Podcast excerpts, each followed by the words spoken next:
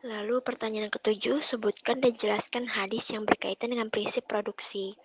Hadis yang pertama dari hadis riwayat Bukhari Muslim.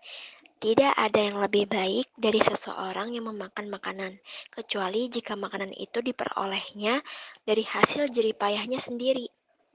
Jika ada seseorang di antara kamu mencari kayu bakar, kemudian mengumpulkan kayu itu dan mengikatnya dengan tali, lantas memikulnya di punggungnya, sesungguhnya itu lebih baik ketimbang meminta-minta kepada orang lain.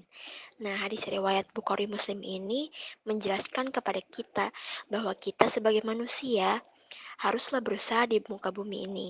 Dalam artian, kita tidak boleh memiliki rasa malas dan harus menghilangkan rasa malas tersebut. Lalu, hadis riwayat yang kedua dari Tabrani dan Dailami. Sesungguhnya Allah sangat suka melihat hambanya yang berusaha mencari rezeki yang halal. Nah, hadis riwayat ini lebih melengkapi dari hadis riwayat Bukhari Muslim tersebut.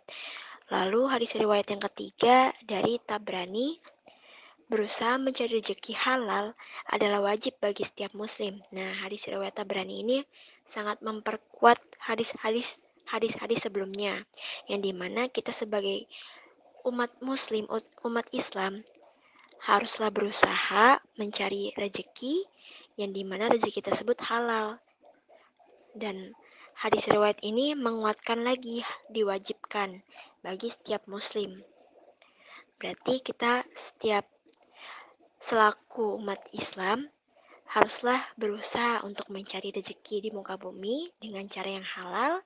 Dengan begitu memperoleh rahmat dan berkah dari Allah Subhanahu wa taala.